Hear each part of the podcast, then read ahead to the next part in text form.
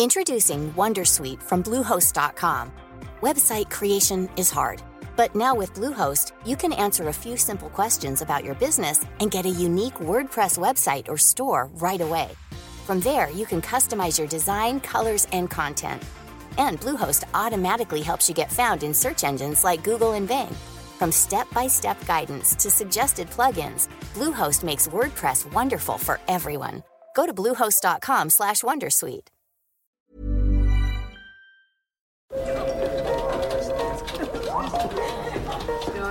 Dette er lyden av norsk næringsliv.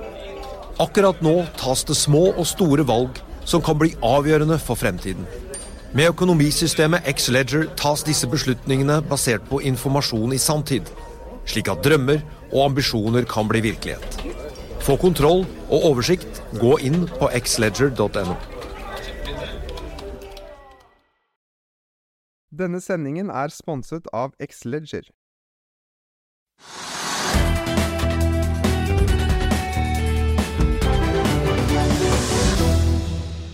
Aller første dag skal vi begynne med Ocean Yield. For eh, ni år etter etableringen i 2012 selger Aker og Kjell Inge Røkke nå Ocean Yield til det amerikanske oppkjøpsfondet KKR.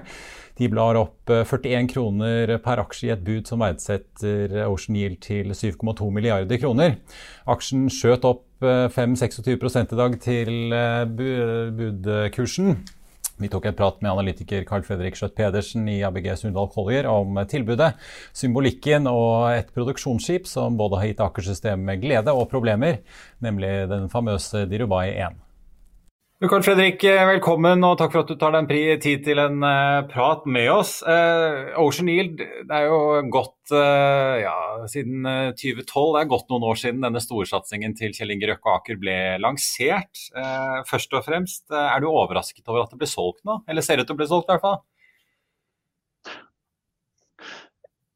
Ja nei. Det er jo en at det kom en transaksjon vil jo alltid overraske eh, markedet. Det er vanskelig å liksom, predikere akkurat når det skulle skje. Men når det er sagt, så er det jo en veldig pen og elegant måte for Aker-systemet å, å, å, videreføre eierskapet av eh, Årshild og realisere de verdiene som ligger der. Da. Så, så overrasket over at det skjedde i dag, men eh, at det skjer en transaksjon, makes sense. Ja, altså nå ser vi at Aker har jo takket ja til eh, disse 41 kronene per aksje for sine 61,65% og så er det jo alle i ledelsen og styret har jo også takket ja. så Hvis man legger på det, så er det et par, drøye et par prosent til. Eh, det blir kanskje ikke noen budkrig av dette her da, når eh, de får en såpass stor forhåndsaksept i KKR? Nei, og så er det en, liksom, De kommer jo inn på en uh, decent premium relativt til dagen, gårsdagens close. og så det, eh, har man med seg eh, en stor andel av dagens eksisterende aksjonærer. Eh, man har strukturert opp en transaksjon hvor man etterlater oppsideverdi for dagens aksjonærer dersom man utøver den opsjonen på FPSO-en. Så jeg syns jo det er en deal som virker fornuftig, og det var jo et knepp over vårt kursmål, for å si det, si det sånn.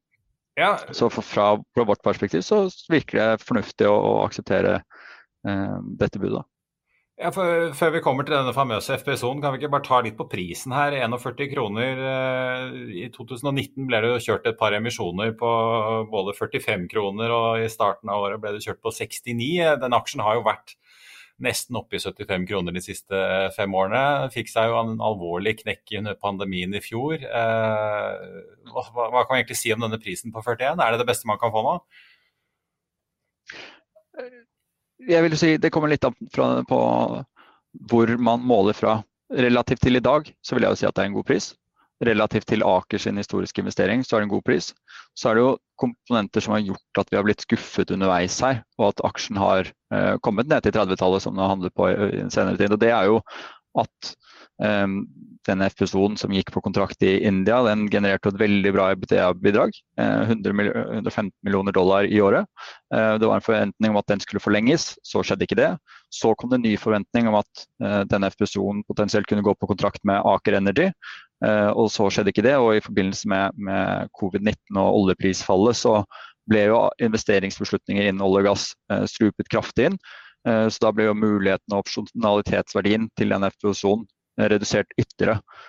Så hvis vi ser fra hvor vi sto i går, så vil jeg jo si at det er kanskje en decent pris. Aker har fått en bra investering på totalt sett. De har jo historisk investert rundt 2,5 milliard eh, norske kroner, eh, både i eierandeler og gjennom eh, kapitalutstedelser. Så har de fått et utbytte på 3,8 milliarder, og nå får de 4,4 milliarder til. Så er det klart at det er en lang tidsperiode, men samlet 3,5 ganger investeringen og en IRR på rundt 26% som vi estimerer det. Det er jo ikke så dårlig, det. Jeg vil si det er ganske bra. Ja, for, altså for, de som ikke er så inne i Ocean Hill, eh, dette produksjonsskipet FPSO-en Dirubai 1 var jo lenge nesten en sånn gulvkalv. Det en, utgjorde en betydelig del av porteføljen. og, og De fikk jo masse inntekter, men så mistet jo denne kontrakten i India i, i 2018. og eh, Selskapet har jo tatt mye tap og nedskrivninger i regnskapet på dette her. Eh, så det er jo alle disse andre skipene, selv om flåten har økt, de var ikke nok til å oppveie for bortfall av den kontrakten der, altså. Nei, det kan du si. Eh, det er jo et selskap som kom fra å være tre fartøy til å nå være 63 fartøy.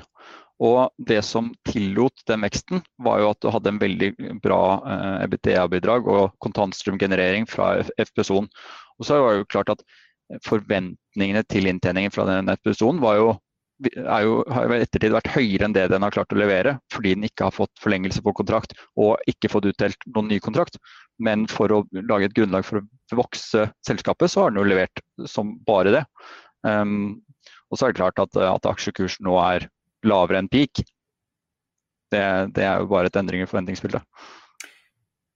Vi må innom også en liten sånn uh, detalj som står litt lenger ned i børsmeldingen hvis man leser. og Det er jo uh, forholdet mellom da, Ocean Yield og uh, oljeselskapet Aker Energy, som prøver å bygge ut dette pekanfeltet i Ghana. For tidligere har jo Aker Energy hatt en opsjon på denne FPSO-en.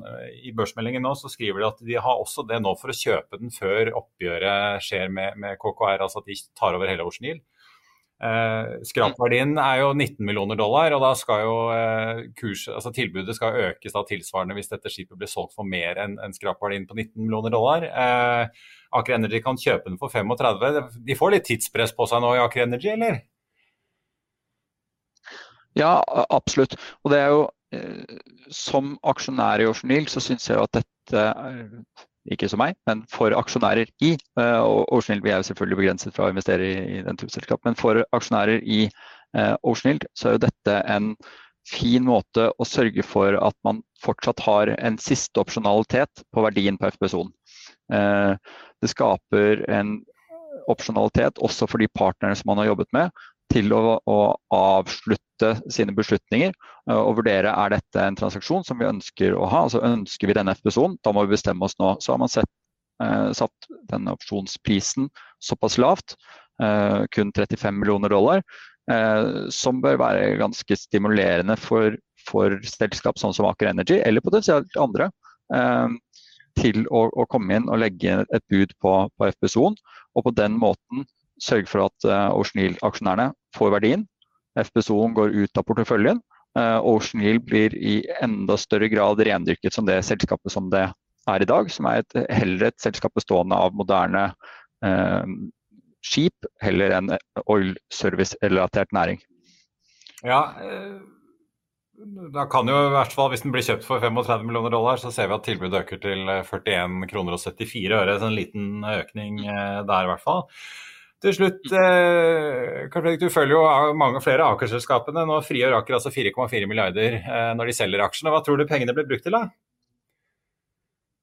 Nei, det er jo ikke noen tvil om at Aker-systemet har eh, mange spennende ting som de ønsker å jobbe med. Eh, og Aker Horizon har jo mange datterselskap som trenger kapital.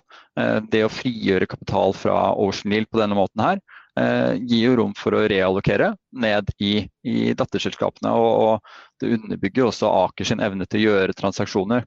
Har, eh, Aker-systemet har jo orkestrert opp et sammenslåing mellom Aker og BP til å være Aker BP. De har jo kjøpt fra Hess, og de har jo klart å gjøre Cognite til et eh, selskap hvor du har fått inn Excel som partner. Så, det, så, dette her er jo et system som har vært flinke til å gjøre transaksjoner, og det å synliggjøre den evnen ved også å selge Ocean og da mest sannsynlig reallokere pengene inn i, i grønn vekst, virker kjempefornuftig.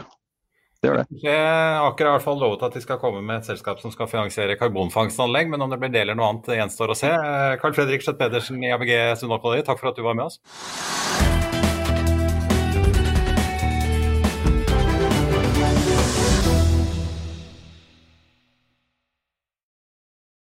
Denne sendingen er sponset av Xleger. Pulling up to Mickey D's just for drinks? Oh yeah, that's me. Nothing extra, just perfection and a straw. Coming in hot for the coldest cups on the block. Because there are drinks. Then there are drinks from McDonald's. Mix things up with any size lemonade or sweet tea for $1.49. Perfect with our classic fries. Price and participation may vary, cannot be combined with any other offer. Ba da ba ba ba. Økonominyhetene er en podkast og videoproduksjon fra Finansavisen. Programleder er Marius Lorentzen. Aksjekommentator er Karl Johan Molnes. Produsent er Bashar Johar. Podkast- og videoansvarlig er Marius Mørk Larsen. Og ansvarlig redaktør er Trygve Hegnar.